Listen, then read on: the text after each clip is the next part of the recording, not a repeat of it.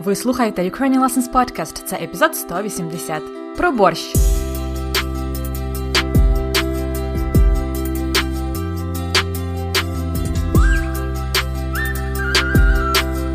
Привіт-привіт! Це Анна Огойко і подкаст Уроки української. Подкаст для всіх, хто вивчає і любить українську мову.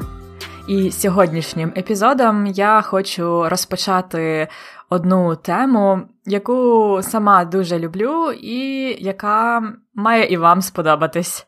Це така дуже смачна тема. Я думаю, ви здогадались, про що я. Це їжа, українська кухня, гастрономічні традиції та сучасні тренди.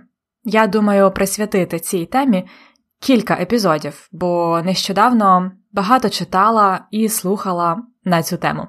Переважно це інтерв'ю та статті дослідниці української гастрономії, яку звати Олена Брайченко, а також її сайт Їжа Культура це науково-популярний проєкт про українську кухню. Я не знаю, скільки всього буде епізодів про їжу і які будуть наступні теми, але для початку я просто не могла не розповісти вам про борщ. Я думаю, ви знаєте, наскільки борщ важливий для українців.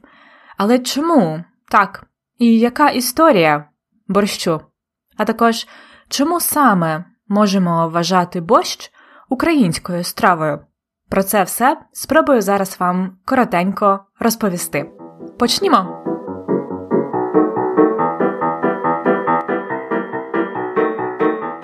Борщ це важлива частина української гастрономії, але не лише гастрономії, а й історії та культури.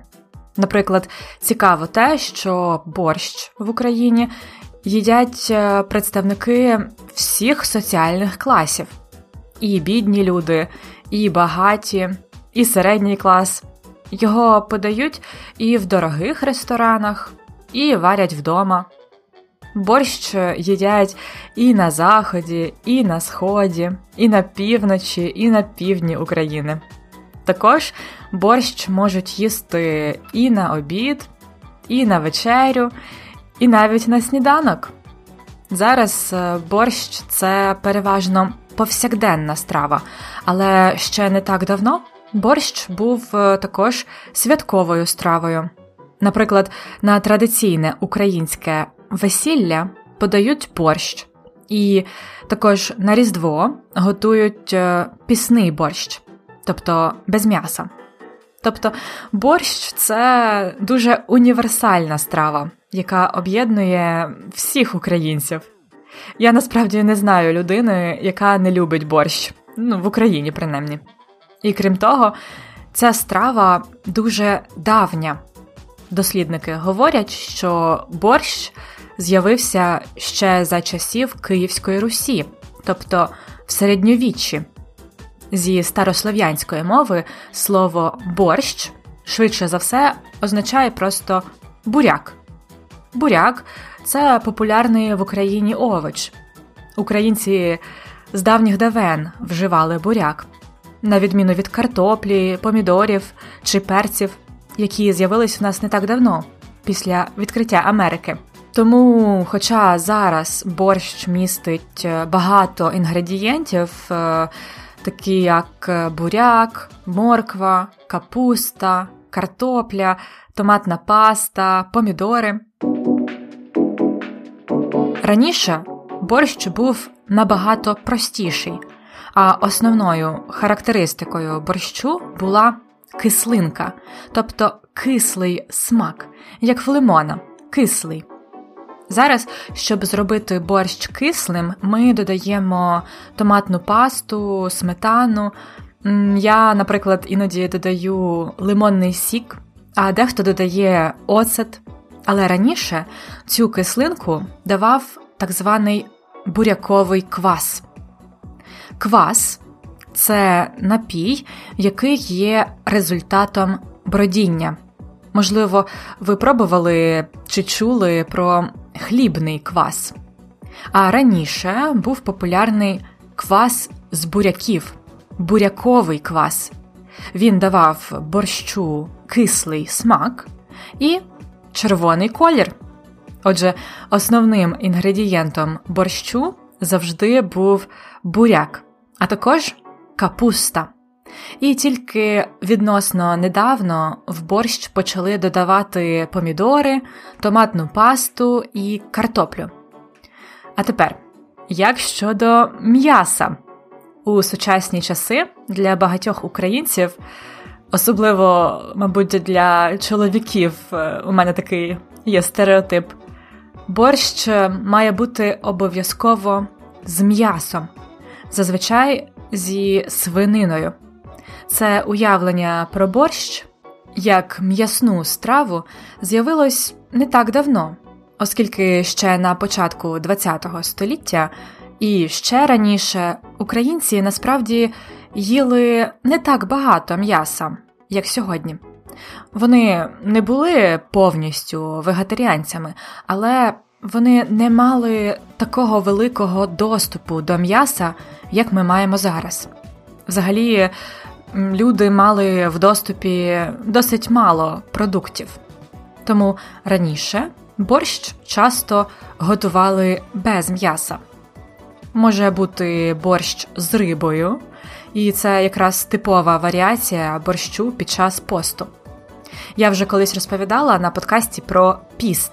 Нагадаю, що релігійні люди в Україні, християни, дотримуються посту а саме в певний період часу, наприклад, перед Різдвом чи перед Великоднем, вони не їдять м'яса і різних продуктів тваринного походження.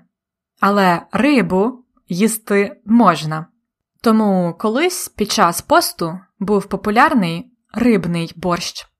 Крім того, зараз в Україні мало їдять баранини, тобто м'ясо овець. А раніше вівці були набагато поширеніші, і не тільки в Карпатах, тому робили також борщ з бараниною.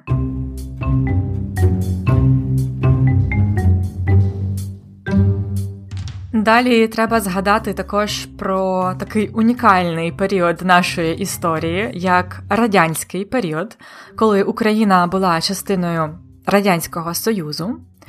Тоді можна казати, що українську кухню було уніфіковано, приєднано до російської. Наприклад, інколи говорять, що борщ це російська страва. У деяких країнах є такий стереотип. Так, справді, українську кухню за радянських часів було спрощено і уніфіковано під радянський стандарт.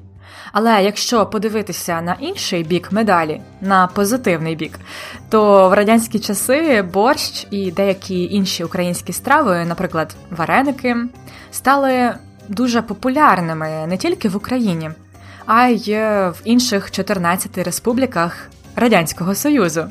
Наприклад, борщ їдять і люблять в Казахстані, в Литві, в Латвії.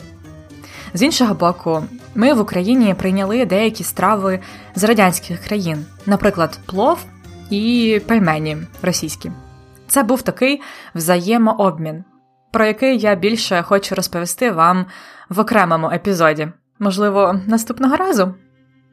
А ще є польський борщ. Можливо, мене слухають зараз поляки, то ви знаєте, що борщ, польський борщ відрізняється від української версії польський борщ дуже рідкий, його часто не їдять, а п'ють. Пам'ятаю, я була в Польщі, я вивчала польську мову в мовній школі, і там в цій школі нас вчили готувати польський барщ, барщ з вушками, такими шматочками тіста. Пам'ятаю, мене тоді так е, здивував їхній рецепт. Ми відварили овочі, а потім всі ці овочі викинули, а лишили тільки юшку, тобто водичку. Це було дуже дивно для мене. А також в Польщі є і наша версія борщу, яку вони так і називають український борщ. Тому, знову ж таки, не сумнівайтеся, борщ український. Про це говорить і історія, і наші сучасні реалії. Я маю на увазі, що всі українці вважають борщ чи не найважливішою стравою нашої кухні. А також в Україні є багато варіантів борщу, тобто регіональних рецептів. Це також говорить про те, що ця страва тісно пов'язана з нашою історією та культурою. Наприклад, у деяких регіонах готують борщ без капусти, а в деяких навіть без буряка, так званий білий борщ. Також я вже згадувала борщ з рибою. Наприклад, інколи готують борщ з консервованою рибою, кількою в томаті. Ну а взагалі говорять, е, скільки господинь, стільки рецептів борщу. І так, наразі це саме жінки, які готують борщ. За підрахунками, приблизно 90% це жінки. І свій рецепт борщу кожна жінка хоче передати наступним поколінням, тобто навчити свою дочку чи внучку варити борщ. І це дуже важлива сімейна традиція. Це такий собі певний сімейний секрет, який мама передає дочці як особливе таємне знання, коли на те приходить час. Також хотіла розповісти вам про так званий борщовий індекс або індекс борщу. Це останнім часом на телебаченні та в статтях журналісти йдуть на продуктовий ринок і купують там продукти, потрібні, щоб зварити борщ. Тоді вони рахують, скільки коштувало купити всі ті продукти: картоплю, буряки, капусту і так далі. І далі порівнюють цей показник з показниками минулих років. Таким чином, ми можемо бачити, скільки коштує купити продукти на борщ зараз, і скільки це коштувало раніше. А також можемо порівняти цей показник з середньою чи мінімальною зарплатою українців. Ось такий індекс борщу. Можете знайти цю статистику в інтернеті, просто загугліть індекс борщу. Також є там цікаві сюжети на Ютубі. Отже, можна зробити висновок, що борщ це дуже важлива частина української гастрономії, культури, історії, соціального і сімейного життя. Як би це не звучало як кліше, борщ це наша піца, наші сувиші. Але також не потрібно забувати, що це далеко не єдина українська страва, не борщем єдиним, як кажуть. Навіть сам борщ у сучасні часи ми рідко їмо сам по собі. Ми їмо борщ зазвичай з чимось, наприклад, з пампушками або з хлібом, з салом. Часто борщ це тільки перша страва, перед тим як перейти до другої чи основної страви. У наступних епізодах я планую більше розповісти вам про українську гастрономію та традиції українського харчування. Ця тема мене дуже цікавить, тому я сподіваюся, вона зацікавить і вас. Ну, а якщо я переконала вас приготувати собі борщ, то я залишу посилання на хороший рецепт українською мовою на сторінці цього епізоду. Також там буде посилання на той науково-популярний онлайн-ресурс про українську гастрономію. Це ukrainianlessons.com, риска, епізод 180.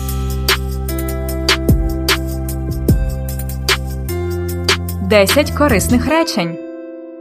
А зараз розгляньмо 10 цікавих речень детальніше. Речення перше я сказала на початку коли говорила, що сьогодні в нас буде дуже смачна тема. Я думаю, ви здогадались, про що я? Я думаю, ви здогадались, здогадатися це зрозуміти щось за певними підказками. To guess – здогадатися.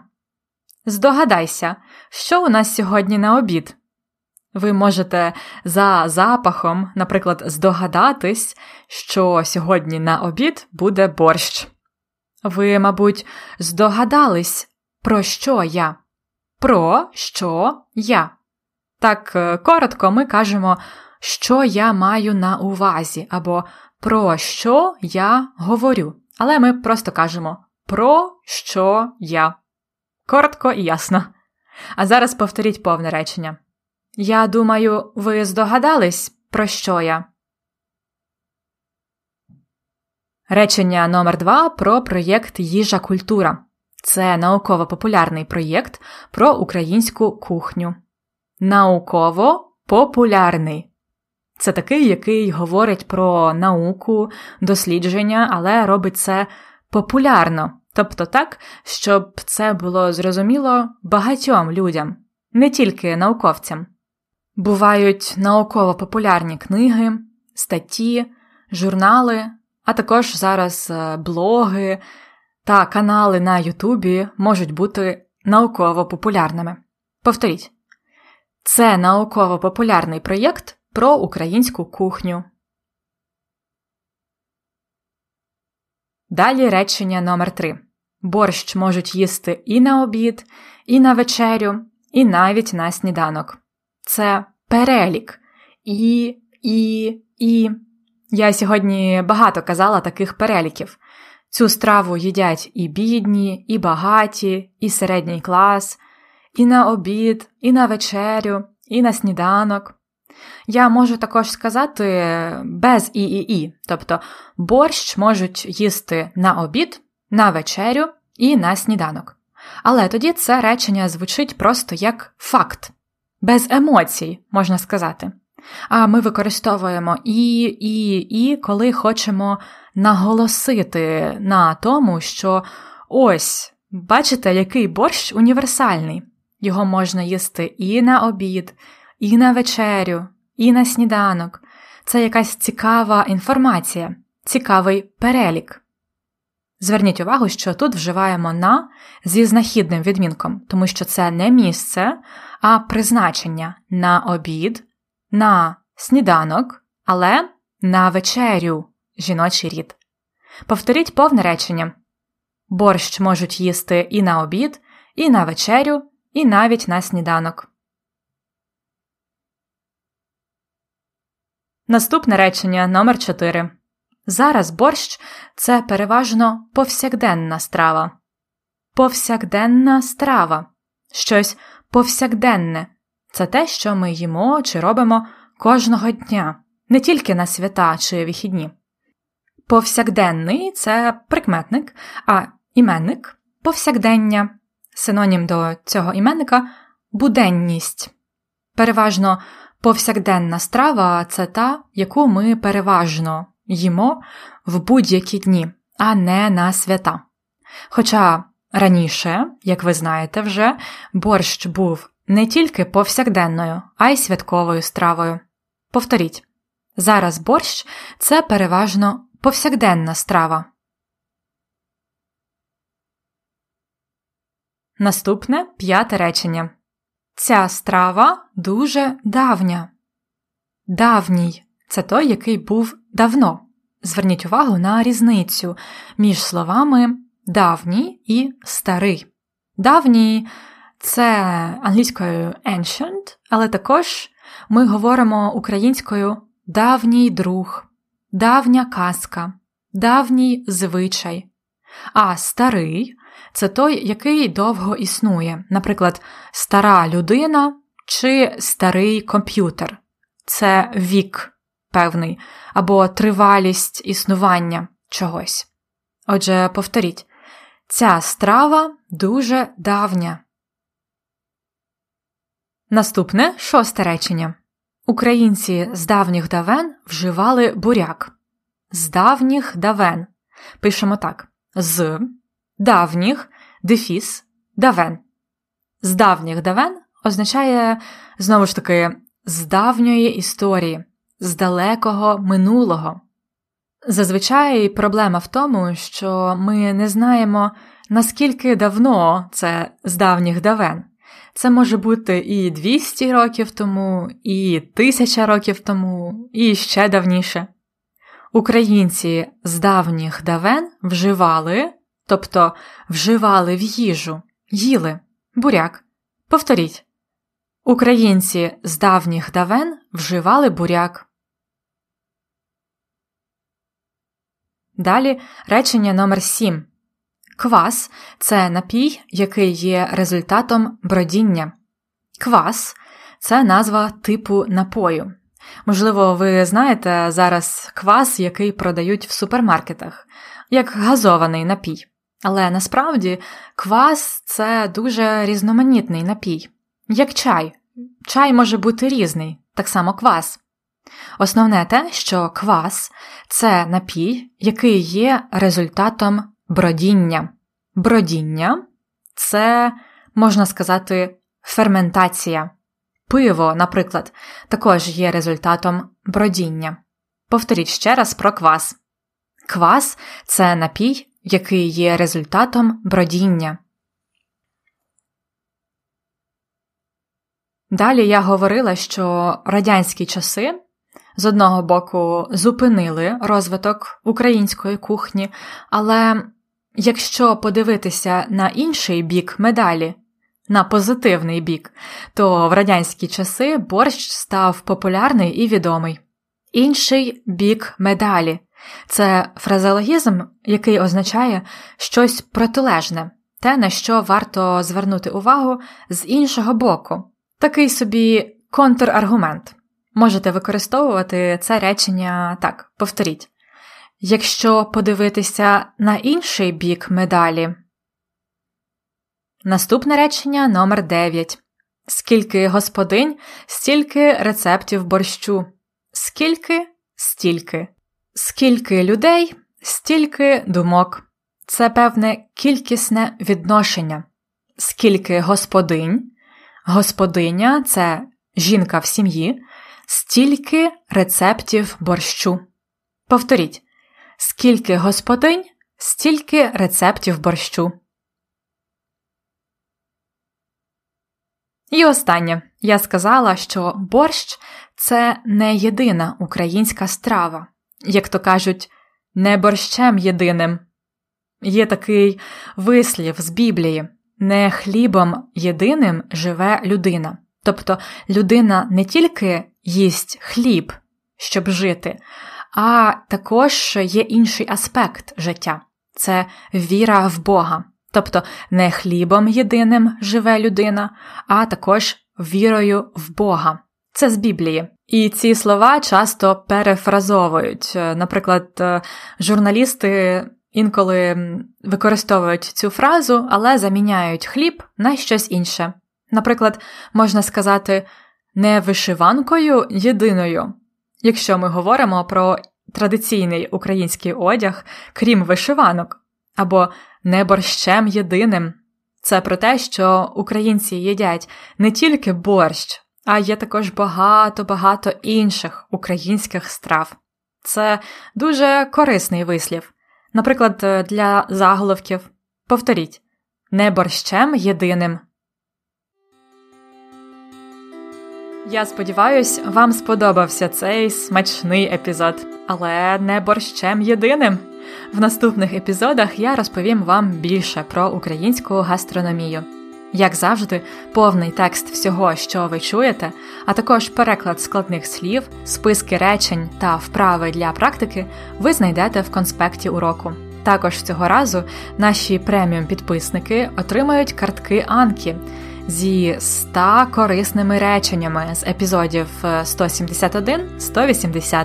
Ці картки містять речення українською, англійською, а також картинки та аудіо. Це чудовий спосіб попрактикувати свою вимову. Дізнатися більше про преміум, а також знайти рецепт борщу ви можете за посиланням ukrainianlessons.com риска епізод 180 ukrainianlessons.com slash episode 180 Бажаю вам гарного настрою!